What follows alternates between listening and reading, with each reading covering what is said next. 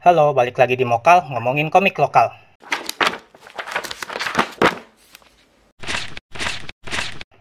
Oke, eh, kali ini gue nggak sendirian. Gue bersama seorang yang mungkin kalian kenal sebagai ilustrator, tapi ternyata dia juga bikin komik loh. Jadi gue sekarang bersama Dita Amelia. Kedengeran? Halo, Oh iya, kedengeran. udah boleh ngomong kalau sekarang? Udah, udah. Oke oke, jadi gimana gimana sih? Eh, gimana? Sehat nggak? Karantina gimana? Alhamdulillah sehat, masih kerja seperti biasa, masih sibuk seperti biasa. Jadi yang beda adalah nggak pergi keluar aja, sisanya sama. Dapur baru udah ada endorse alat masak? Eh belum ada, gue masih belanja belanja Tokped, belanja belanja Shopee gitu. Jadi eh gue tuh menemukan ya menemukan mulai follow Dita tuh di Twitter 2013 apa 2014 ya. Waktu itu beredar fotonya yang pakai topi Arale tuh. itu harusnya 2000 kalau Arale tuh udah udah ke sini sih 2000 2015 malah. Itu 2015 ya? Eh, lupa Iya. ya. 2015 kalau yang Arale. Kalau waktu itu belum banyak share hasil gambar sendiri gitu ya? Hmm, tuh soalnya bukan gambar, dulu tuh bikin vektor gitu loh, vektor karakter cibi-cibi, Oh, terus bikin paper craft, oke. kayak gitu sih orang tahunya tuh lebih ke crafting dibanding gambar. Karena emang waktu itu lagi lagi nggak mau gambar gitu, kayak itu masih kuliah, terus kayak Oh, kerjaan oke, kerjaan oke. kuliah lagi. Iya kerjaan freelance banyak gitu, kuliah juga ribet, jadi nggak sempet untuk gambar-gambar. Nah, kalau Dita sekarang ini kan banyak yang kenal sebagai ilustrator nih, sering open commission, sering eh, buka free sketch gitu kan. Eh, terus ilustrator untuk novel juga, untuk bukunya dia sendiri Hello Goodbye. Terus oh iya gue beli Hello Goodbye yang cetakan pertama yang self publish yang dijual Eh, iya, keliling iya. yang dijual keliling di Popcorn. Oh iya benar. Itu benar. 2000 berapa ya? Itu tuh 2017 harusnya. 2017. Soalnya gue kan pas mau pindah Ciayo itu. Jadi pertama Oh. kali gue pindah ke Jakarta, gue self publish itu tuh. Nah, kalau komik kan sebagian besar online ya? Apa semuanya online? Kalau komik itu sempat ada yang cetak, yang riran itu sempat cetak.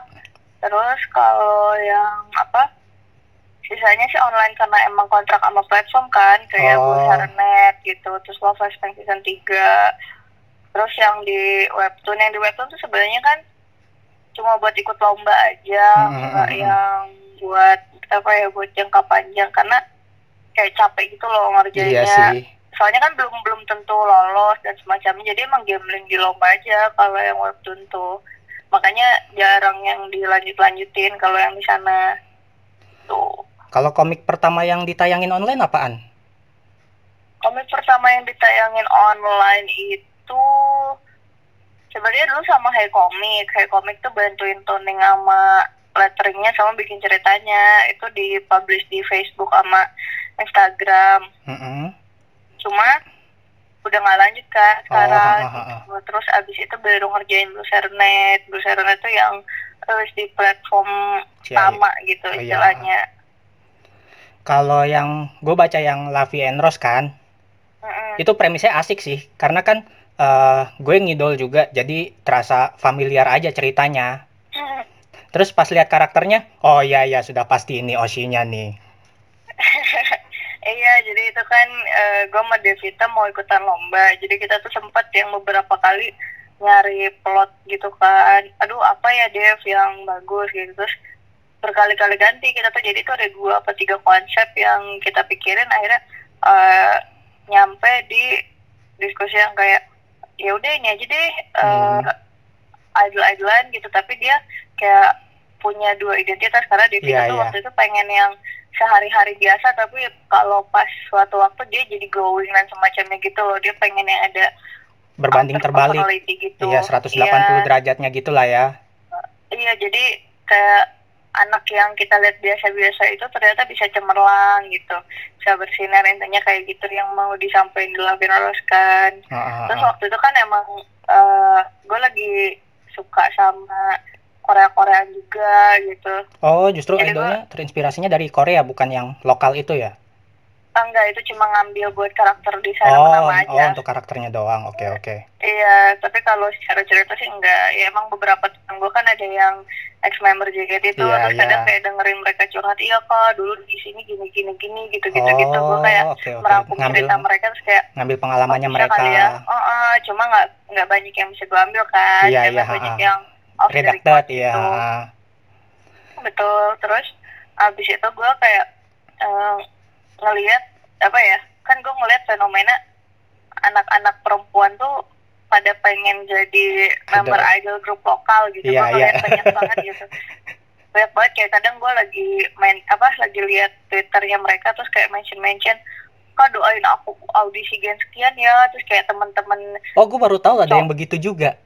ada ada yang kayak gitu terus ada yang misal misal lu baru lihat cewek cakep gitu Ha-ha. terus langsung kan cowok tuh langsung gatal kayak bilang ayo ayo ikutan audisi gen sekian Oh, kayak gue kayak pasti lolos temen aja. temen Iya gue kan? dulu ada yang gitu. eh waktu zamannya Michelle belum ikut, eh waktu dia masih di YouTube doang, temen gue komen di YouTube-nya Michelle, kak ikut gen ikut gen 3 aja, dukung support kok. Gitu di YouTube-nya Michelle waktu zaman dulu ada tuh. Iya kan maksudnya banyak tuh yang kayak gitu gitu. Iya iya, dari ngerti ngerti. pihak pihak cowok kan banyak yang encourage gitu bahwa Iya, ha, ha, ha, udah lu jadi member idol group aja. Terus di sisi cewek kan ngeliat kayak oh iya ya kalau ngelihat member-member tuh kayaknya cantik ya Iya, terus ha-ha. hebat ya terus dikasih hadiah apa perform lagu-lagu lucu gitu kostumnya Mm, mm, mm, bagus banyak yang mindsetnya tuh kayak gitu gitu. Terus gue ngeliat kayak eh, misal kayak dari gue nonton teater gitu terus kayak gue handshake ketemu mereka lihat-lihat di sosmed juga gue melihat interaksi-interaksi itu dan gue coba rangkum gitu loh gue mencoba Mm-mm. menyampaikan dari apa yang gue lihat gitu makanya jadi lagu Rose itu kan Merasa familiar Gimana sih, banget Kak? sih, ha, ha, gimana sih karakternya itu dia mau jadi idol karena dulu waktu kecil dia melihat idol Ada itu idol, ha, ha. jadi betul nonton jadi gue nonton di ngeliat TV. kayak Kan mm-mm. banyak juga yang idol sekarang juga yang eh, mantan fansnya juga, yang gen barunya Iya. nih. Iya banyak kan kayak gue waktu gue masih punya Oshi gitu pas Oshi gue graduate tiba-tiba ada member yang bilang iya aku tuh dulu ngefans tuh aku tuh anggota fanbase apa kata kata member lain kan terus gue kayak oh jadi lu ngefans juga gitu dulu gitu sebelum lo jadi member Iya banyak. ya kayak gitu gitu lah Iya, jadi gue ngeliat kayak eh, banyak faktor untuk anak-anak perempuan tuh ingin bersinar gitu. Nah salah satunya kan jadi idol. Iya iya. Nah, gue pengen pengen ngangkat fenomena itu tuh. Soalnya kan kayak di komik-komik tuh seringnya yang diangkat cowok lagi cowok lagi gitu Mm-mm. sih. Cerita-cerita idolnya kan kayak cowoknya idol terus ceweknya cewek biasa naksir-naksir gitu. Nah gue coba pengen kalau diputar balik gimana gitu. Cowoknya nggak suka idol terus Tapi dia suka si yang versi idol eh, suka yang versi eh, normalnya gitu mungkin ya. Iya nggak sih? Hmm, tadinya sih cerita lanjutannya tuh kayak apa ya kayak nggak nggak ketahuan dulu kan Oh, iya, kalau iya. si Oke, cewek oke. ini tuh idol simply si cowok ini tuh punya reason kenapa dia nggak Nggak suka suka. idol ah. kebawa sampai sekarang gitu kayak kayak kita istilahnya nggak suka satu golongan gitu padahal golongan itu baik-baik aja gitu sama kita gitu kita nggak ada masalah langsung kayak gitu gitulah yang Hmm. pengen lu angkat-angkat tuh isu-isu yang kayak gitu terus karena nggak lolos dari segi cerita gitu waktu itu udah sempet di pitching Oh. Akhirnya- Mm-mm, udah udah sempat dita- eh, ditanya kan sama webtoon sih Iya iya. ha, ha. cerita lengkap dan lain-lainnya gitu Uh-huh. ternyata kurang Oh, gitu buat mereka, buat mereka, karena iya, iya. takutnya tuh orang-orang nggak relate gitu Ih, emang segmented sih apalagi tahun udah tahun-tahun segini nggak kayak lima iya tahun makanya kan lalu. gue kayak oh berarti eh gue masih belajar lagi gitu. Gue tuh ngerasa kalau tiap gue gagal tiap gue ditolak tuh berarti ini waktunya lu untuk belajar lagi gitu. Lu tuh belum hebat lu tuh masih harus improve gitu. Itu yang gue ambil kan. Iya iya. jadi gue juga nggak nggak yang ngerasa kecewa gitu nggak gue yang ngata-ngatain gitu atau apa ah, payah banget sih nggak tahu cerita bagus gue juga nggak pernah nggak pernah kayak gitu gitu. Maksudnya saat orang mengevaluasi lu eh, kurang apa menurut gue berarti eh, apalagi ini untuk sesuatu yang dinilai banyak orang gitu. Iya untuk kalau yang nil- nilai banyak dan voting suaranya semua sama berarti memang lo yang salah gitu. Iya. tapi kalau cuma satu dua mungkin emang selera aja gitu. Akhirnya gue ya udah gitu gue jadiin pelajaran aja.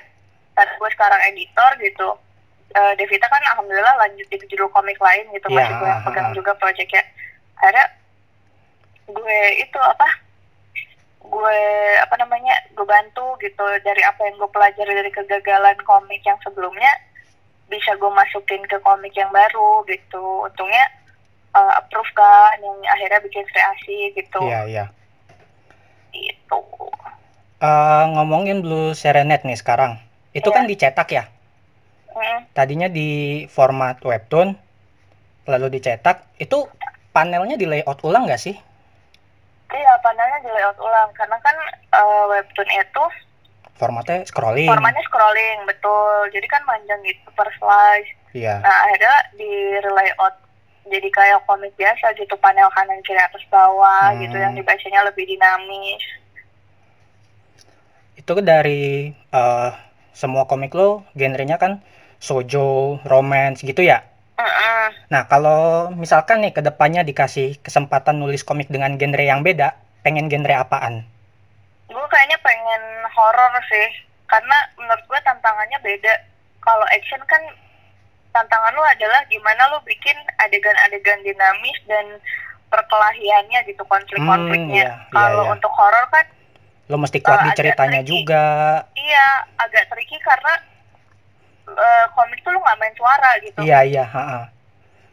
sebenarnya kan yang bikin serem dari cerita horor apa pun tuh adalah ketidaktahuan lo gitu. Misal lo nonton Conjuring gitu eh, yang pertama itu tuh lo nggak tahu gitu si setannya tuh keluarnya dari atas lemari gitu. Mm-mm.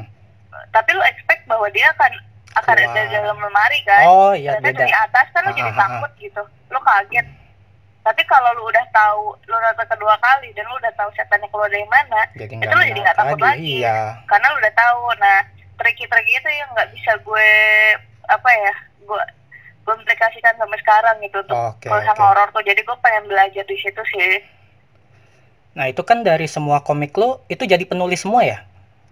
Atau ada yang jadi Iya. artisnya?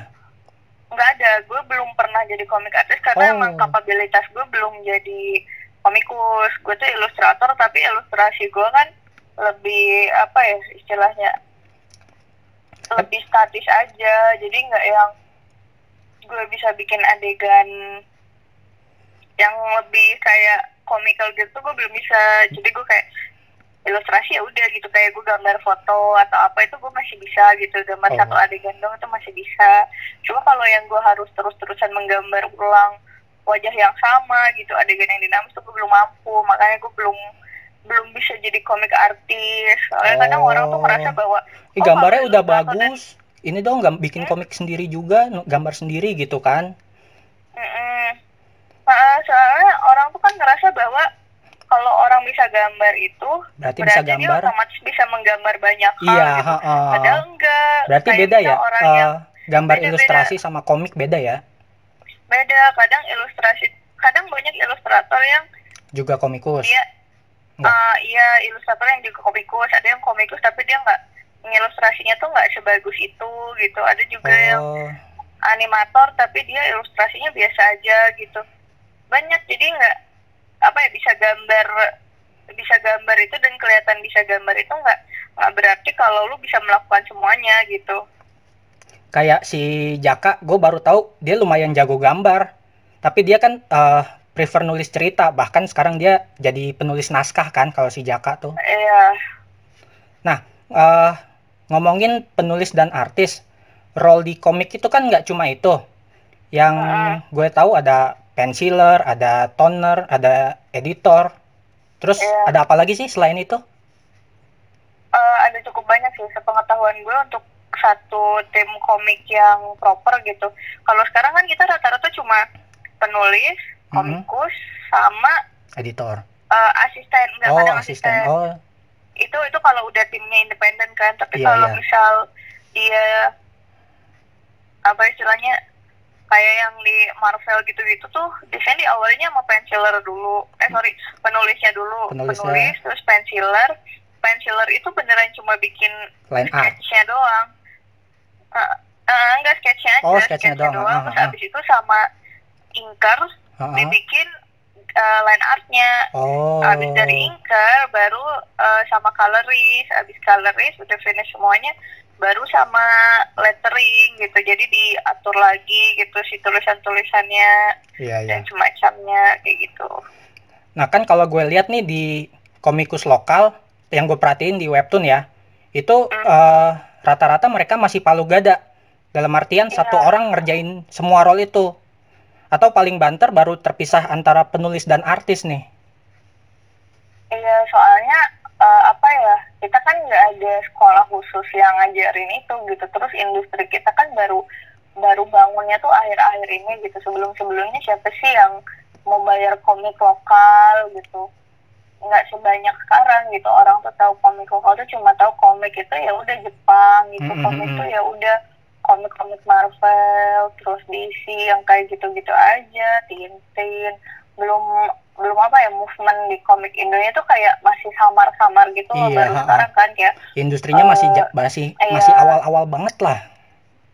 iya betul terus orang-orangnya juga masih apa ya belum kelihatan gitu nah sekarang kan itu udah ada webtoon gitu salah Ha-ha. satu yang gede nunjukin bahwa oh ternyata orang Indonesia tuh bisa ngomik ya dan kita juga udah tahu komikusnya ada siapa aja dan cukup banyak Iya, gitu. iya. Eh, apa kenapa mereka masih yang istilahnya semuanya dikerjain sendiri karena kalau di sana kan si perusahaan itu udah membayar masing-masing untuk role-nya gitu Iya. artis berapa untuk coloris berapa penulisnya berapa Ha-ha. kalau di sini kan harganya tuh kayak harga paketan gitu loh satu Harga per proyek berapa? gitu ya. Ha-ha. uh, uh, satu chapter berapa dan itu yang harus dibagi-bagi per tim gitu jadi semakin Hmm. banyak timnya semakin sedikit yang lo terima gitu Oh, jadi gitu. opsi lo tinggal mau kerjain semuanya sendiri atau Bayar orang lagi. sama orang ha-ha, ha-ha. gitu Nah, ngomongin masih ngomongin role di proses bikin komik, sekarang tuh jadi editor ya, iya Sri Asih di Bumi Langit. iya iya Oh, nah ini Sri Asih gue suka banget episode-episode awalnya. Kalau gue bilang itu sangat natural ya, gimana eh, Alana sangat penakut dan clueless saat pertama berubah jadi si Sri Asih. Terus eh, gue merasa ada influence manga gitu, eh eskul apa klub sekolah training camp ke pegunungan terus di sana kekuatannya bangkit gitu. Hmm. Terus iya iya terus itu sih eh gue sangat menunggu gimana karakter development Alana ke depannya dari dari yang sekarang penakut clueless apakah ke depannya akan tetap gitu apa enggak Eh, kalau Alana sendiri kan sebenarnya kita benar-benar merhatiin karakter Alana yang seperti apa gitu dari dialog-dialog yang gue edit juga gue coba bikin yang bener-bener anak sekarang tuh mungkin ngomongnya seperti itu gitu hmm, nggak yang gue bikin eh, misal nih gue sering banget ngeliat kalau di komik-komik tuh orang masih pakai kata kau oh kata ganti kau iya iya padahal kan zaman Jarang sekarang banget. tuh berapa banyak sih Iya, orang yang pakai yang kau. manggil kau Ha, gitu ha, ha, ha, ha. selain di lirik lagu gitu istilahnya atau penulisan novel Iya, iya, iya. banget gitu orang tuh kalau nggak gue lo aku kamu gitu saya kamu kayak gitu-gitu aja. Iya. nggak yang sampai kau-kau gitu kecuali dalam satu konteks kalimat gitu. Makanya eh apa ya menurut gue aneh aja anak zaman sekarang pakai kau. iPhone 11 gitu misalnya Oh. Alana terus. Tapi ngomongnya pakai kau-kau gitu jadul banget dia anak tahun kapan gitu. Makanya di Bumila itu gue bantuin untuk modernisasi. bikin si tulisannya lebih enak gitu enggak sih kadang karena ada tulisan lain kayak yang di novel Tira ha. itu karena timelinenya agak jauh ke belakang oh gue masih agak-agak baku gitu tulisannya tuh masih yang enggak seluas nggak sekarang iya ha, ha, ha. nggak zaman sekarang banget Iya, sedangkan Alana kan itu benar-benar zaman sekarang Timeline yang pembacanya juga banyak yang remaja-remaja gitu anak-anak sekolah yang mungkin bacaannya nggak kayak gue dulu gitu. Misal gue belajar kosakata yang agak-agak baku itu dari buku-buku lama yang gue baca gitu. Anak sekarang mungkin mereka bacaan pertamanya adalah webtoon iya gitu, adalah gampang yang gampang diakses. Iya, jadi nggak mungkin pakai bahasa yang terlalu sulit, terlalu kaku gitu. Ha, ha, ha. secara development karakter juga yang mungkin nanti si Alananya juga nggak nggak terus-terusan culun gitu karena dia kan Iya, punya ha, ha. kreasi. mau nggak mau dia juga harus eh, apa ya istilahnya harus berkembang juga gitu. Masa lu punya salah satu kekuatan paling hebat gitu terus lo akan terus jadi coward istilahnya Iya. ya mungkin nanti akan ada development development di mana Nah, ini makin nunggu, ke sini tuh makin kelihatan gitu nunggu banget sih. Nah, sekarang kan eh, di Bumi Langit masih jadi editor. Kalau dikasih kesempatan nulis komiknya, pengen Adi Satria yang mana?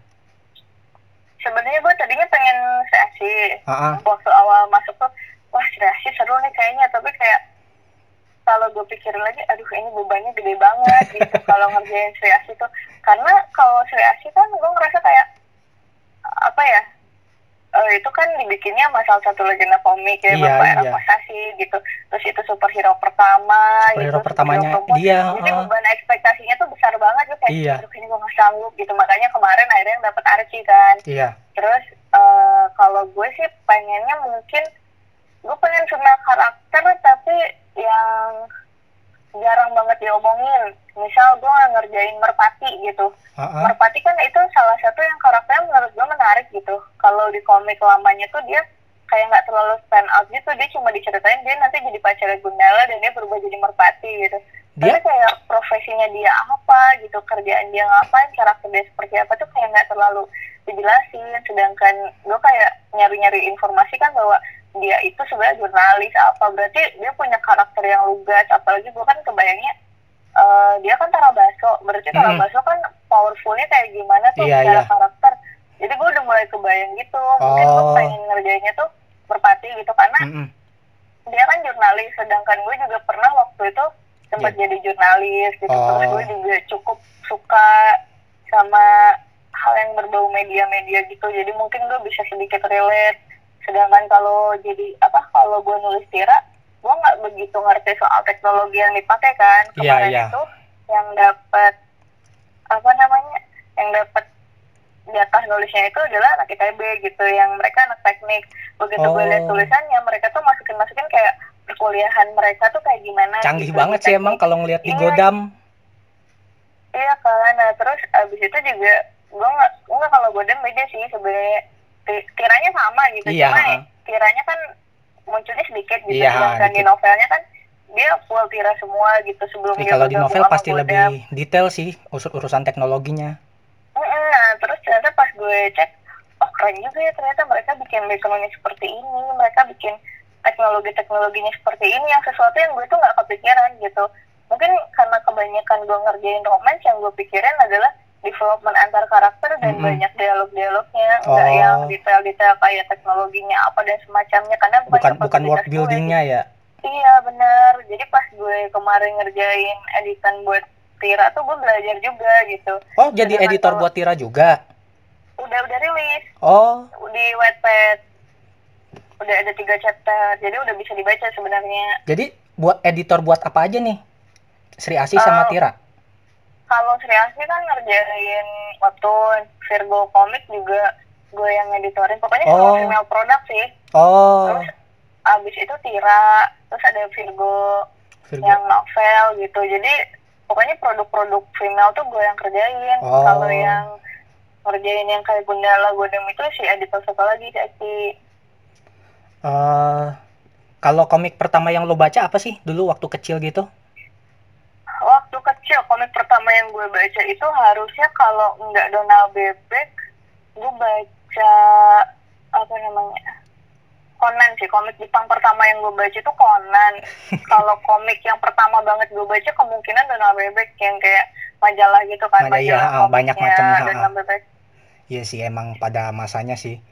Nah, kalau komik lokal yang pertama, komik lokal pertama yang gue baca itu hmm, oh Tatang S sih Tatang S. Oh, iya iya. komik-komiknya Tatang S tuh gue pertama baca karena kan itu kecil-kecil ya terus Iya. dijual sama abang-abang di SD Iya. jadi gue tuh baru tahu komik Indonesia tuh pas itu gitu oh orang Indonesia bikin komik lucu banget parodi-parodiin kayak gitu loh terus eh, pas udah gede-gede dikit gue kayak SMP gue baca komik Indonesia yang lain itu tuh Benny and Nietzsche jadi Oh, gue beli edisi Iya, koleksinya iya. Laga Jakarta itu gue baru Oh, tahu oh bukan dari lagi. Kompasnya. Enggak, dari- dari korannya. udah yang edisi koleksi Oh, iya iya. Nah, kalau eh komik yang menggugah lo buat gue pengen bikin komik nih. Ada nggak? ada itu gue baca Nakayoshi pada zamannya komik kolektif Iya, komik pa pada zamannya itu apa ya, gue kan di kampung gue tuh dulu nggak ada toko buku. Jadi gue tuh cuma bisa beli buku itu di Indomaret. oh Indomaret iya yang emang di, Indo- buku. di Indomaret Iya, ya nah, Nakayoshi sama Donald Bebek Conan apalagi ya waktu itu ya Enggak, tapi kalau Conan itu gue baca pas kayak ada penyewaan komik itu. Nah, gue Oh. diajak sama saudara gue atau siapa gitu, ayo main ke situ gitu. Pokoknya dulu pas gue masih di Bandung. Eh, ya udah gue ke sana, gue cekin. Gue tuh masih ingat eh, bu- episode yang gue baca itu pas Ai Haibara pertama pindah. Nggak tahu Oh. chapter berapa, buku berapa. buku belasan seingat gue itu sih Iya, karena gue buku suka itu apa? Gue suka nonton animenya kan dulu iya haha, di Conan Indosiar TV uh, uh. nah akhirnya pas gue lihat komik tuh gue nggak tahu gue harus baca yang mana gitu Mm, mm, mm. Jadi yang gue tahu cuma Conan gitu. Dan ya udah kayaknya ih volume delapan deh seinget gue atau berapa. Iya iya belasan. uh, awal-awal aja. Awal-awal. Uh, Kalau- nah, Nakayoshi tuh gue kayak ngeliat gambarnya bagus-bagus gitu apa. Kalau gue kan uh, preferensi gue kan kayak gue suka magical girl gitu kayak Sailor Moon, Iya, Cardcaptor ha-ha. Sakura gitu. Terus Magic Knight Riot yang kayak gitu-gitu gue suka cuma belum bikin apa ya belum pengen bikin gitu. Jadi pas gue udah pengen bikin itu pas gue baca Nakayoshi komiknya banyak. Jadi gue re- referensinya banyak kan ih kok ada yang ceritanya satu asrama? Kok ada yang ceritanya kayak di negeri dongeng? Kok Iya, ada iya. yang jadi mermaid kayak gitu-gitu loh. Terus gue jadi beneran ngikutin nunggu komik tiap bulan tuh pas di situ juga gitu oh gue beneran yang nabung-nabung nggak jajan apa gitu dulu tuh gue ngerasa dua puluh ribu tuh beli, banyak banget iya. gitu duitnya Oh, kalau lu ya di udah. daerah sih, kalau gue dulu kan di Jakarta, eh kayak di Istora suka ada pameran buku murah gitu kan. Heeh. Iya, gue kadang kalau beli jadinya ke situ gua doang. kebetulan nah terus kalau uh, abis gue koleksi koleksi kayak gitu dulu tuh nyokap gue tuh kayak nggak boleh gitu loh gue kalau beli komik baru akhirnya Hmm, gue kalau mau beli komik itu gue ke Bandung tuh ada jalan Dewi Sartika. Oh Jadi iya, tuh kayak ha, ha, ha. ah, ah, yang dekat alun-alun Bandung Iya. itu dia jual buku-buku bekas kan. Iya. nah gue tuh diajak nyokap gue ke sana. Misalnya nyokap gue bilang gini nih sepuluh ribu kamu boleh beli tapi eh, belinya harus di sini gitu. Oh, karena kalau gue beli sepuluh ribu di Indomaret gue cuma dapat satu komik. Di situ dapat tapi kalau iya tapi kalau di situ gue bisa dapat 10 gitu ya gue mah waktu itu mikirnya bukan kualitas komiknya Dapat gitu. banyak. Yang penting yang yang penting dapat banyak gitu. Makanya kadang referensi-referensi gue tuh agak jadul gitu loh. Jadi saat anak-anak seumur gue nggak baca eh, misalnya 20th Century Boy gitu. Nah gue baca Hmm. gara-gara gue beli dari situ gitu. Nah, eh kalau lo boleh menilai komik lo yang mana yang paling lo anggap sukses? Kalau kata gue jelas Blue Sarnet sih. Karena sampai Karena dicetak, bukan? Eh, enggak, bukan bukan masalah itu aja sih. Jadi kan itu salah satu komik gue yang eh, proper gitu produksinya. Oh. Gue dapet artisnya proper gitu. Gue promosinya juga maksimal. Di mana dia akun YouTube-nya aja ada gitu. Gue tuh agak sedih ya karena akun YouTube-nya dia tuh lebih banyak dibanding gue gitu subscribernya. Padahal dia orangnya aja nggak ada gitu. Terus gue juga ngeliat kayak interaksi si karakter biru ini sama orang lain tuh bagus gitu saat gue lihat sosmednya orang tuh pada Hmm. mau follow dan semacamnya. Terus sampai sekarang juga masih ada yang kadang mention mention gue beli bukunya atau baca komiknya di Ciayo jadi gue ngerasa kayak ini tuh salah satu yang paling sukses. Dan gara-gara gue nulis Blue Net juga opportunity gue yang lain tuh datang gitu. Karena orang udah lihat karya gue apa gitu. Oh iya iya. tiba-tiba eh, gue diminta jadi pembicara gitu. Atau gue Iya, diminta untuk bikin naskah apa kayak gitu-gitu jadi semua opportunity gue tuh berjalan itu dari situ jadi gue tuh ngerasa kayak kalau dibilang apa ya turning point gue ya di Blue Net gitu Intinya Gua karena belajar. timnya solid juga ya. Timnya proper. Iya, untungnya eh, timnya proper sih kayak dari apa dari ilustratornya terus dari editornya waktu itu jadi ya alhamdulillah sukses terus eh, meskipun akhir-akhirnya agak nggak enak ya kayak Iya, ha, ha. gue sama Devita tuh akhirnya nggak bisa melanjutkan sampai episode yang seharusnya gitu makanya kenapa endingnya kayak gitu ya karena kita tuh di-cut gitu loh. Jadi yang Iya, harusnya misal 24 episode untuk season itu jadi cuma 12. Dan itu tuh kayak diumumin pas kita udah setengah jam misal chapter 6 gitu. Oh, Apa iya. chapter 5 gitu waktu itu. Terus gue tuh chapter 12 tuh bukan kayak gitu endingnya tuh. Chapter 12 tuh masih lanjut lagi sampai ke 24. Akhirnya tersa apa terpaksa gue tomak lagi plotnya gitu. Untung Devita belum ngerjain selanjutnya. Jadi gue kayak bisa bilang, terus tunggu ya, gue mau ngerjain revisi skripnya biar kita tamat aja gitu. Padahal Karena aku ya. Masih, dan gue nggak mau yang kayak ngebebanin gitu loh. Ngebebanin Iya, iya. Devita, ngebebanin gue. Karena nanti kalau misal gantung, orang akan terus nagih gitu loh. Iya, iya. Mana lanjutannya Mereka- nih, nih, nih, nih. Iya mana lanjutannya Biar nggak kan gantung. nggak nggak perform adalah gue gitu kayak Iya, "Eh, kok nggak bener sih autornya nggak nggak dilanjut apa nggak mau Mm-mm, banget nggak ada ngegantung gitu kan. doang gitu. Ah, ah, gue nggak mau kalau kayak gitu gitu jadi udah deh gue selesain aja sebisa gue sampai sini Eh selanjutnya kan kayak komen-komennya kayak kok nggak sama yang ini kok nggak sama yang itu ya kalau Iya, yang kayak iya. gitu iya masih nggak masalah gitu Kalau untuk ke depannya lagi ada komik yang ditulis nggak? Kan entah, Eh, entah proyek pribadi atau apa? komik sih nggak ada gue sekarang banyak nulis satu yang beneran kayak gue ngerjain novel gue ngerjain Oh, podcast jadi kan podcast gue tuh diangkat dari buku Hello iya, Goodbye tahu. ah. jadi ah, buku Hello Goodbye gue tuh akhirnya Di- diangkat jadi podcast jadi audio drama terus si season eh, season satu kan udah mau beres Iya. nah season 2 nya itu nggak akan ngambil dari buku jadi Oh. banyak cerita barunya Berarti itu yang dari Hello Goodbye di dijadi di translate ke naskah gitu ya? Ah, ah. jadi gue kayak ngedit lagi beberapa tuh makanya judulnya kenapa beda-beda kan Iya, karena betul. gue gue ganti kadang ada yang karakternya gue ganti ada yang dialognya gue ganti gitu ada yang settingnya gue ganti jadi disesuaikan lagi sama sekarang gitu loh karena kan itu gue bikin waktu SMA Iya, waktu gue karya. SMA kan masih naif naif culun jelek gitu tulisannya iya terus akhirnya sekarang kan gue udah banyak apa ya kalau karakter tuh gue udah karakter developmentnya udah banyak gitu Iya, ya. udah Jadi banyak udah nambah. influence. jadi iya jadi banyak yang gue tambah tambahin gitu Mm-mm. makanya nanti yang baru tuh ya ya gue yang sekarang gitu sih season Oh, barunya sedangkan kemarin tuh kayak ya udah napak tilas aja. Agak susah juga sih kemarin nyari aduh yang mana ya ceritanya ya? Gitu. Kayak di satu sisi tuh gue agak muak gitu loh lihat gitu ya. karena gue udah udah udah capek gitu loh. Kayak gue tuh pengen yang baru gitu. Kenapa sih Iya. orang-orang tuh ngurusin yang ini mulu gitu? Kayak gitu. Akhirnya untungnya eh, pas dihitung-hitung episode oh cukup deh untuk satu season doang gitu Hmm, habis season selesai. Terus habis itu untuk season 2 kita mulai move on gitu. Jadi mungkin nanti buku barunya Hello Goodbye itu dari podcastnya dijadiin Oh, dibalik naskah jadinya. gitu. iya Apalagi ya? gitu. Udah sih kayaknya itu aja.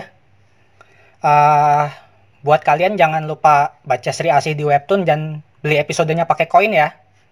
Terus thank you banget buat Dita udah mau hadir. Eh, eh, nggak hadir sih ini soalnya lewat telepon. Thank you banget udah mau ngisi episode ini. Oke sama-sama thank you juga udah diajakin Oke, sampai jumpa di mokal berikutnya. Ciao. Udah, mana oke siap Oke, thank you banget Dita. siap sama-sama Lutfi Ah, matiinnya mana ini ya? Eh, udah deh, udah mati.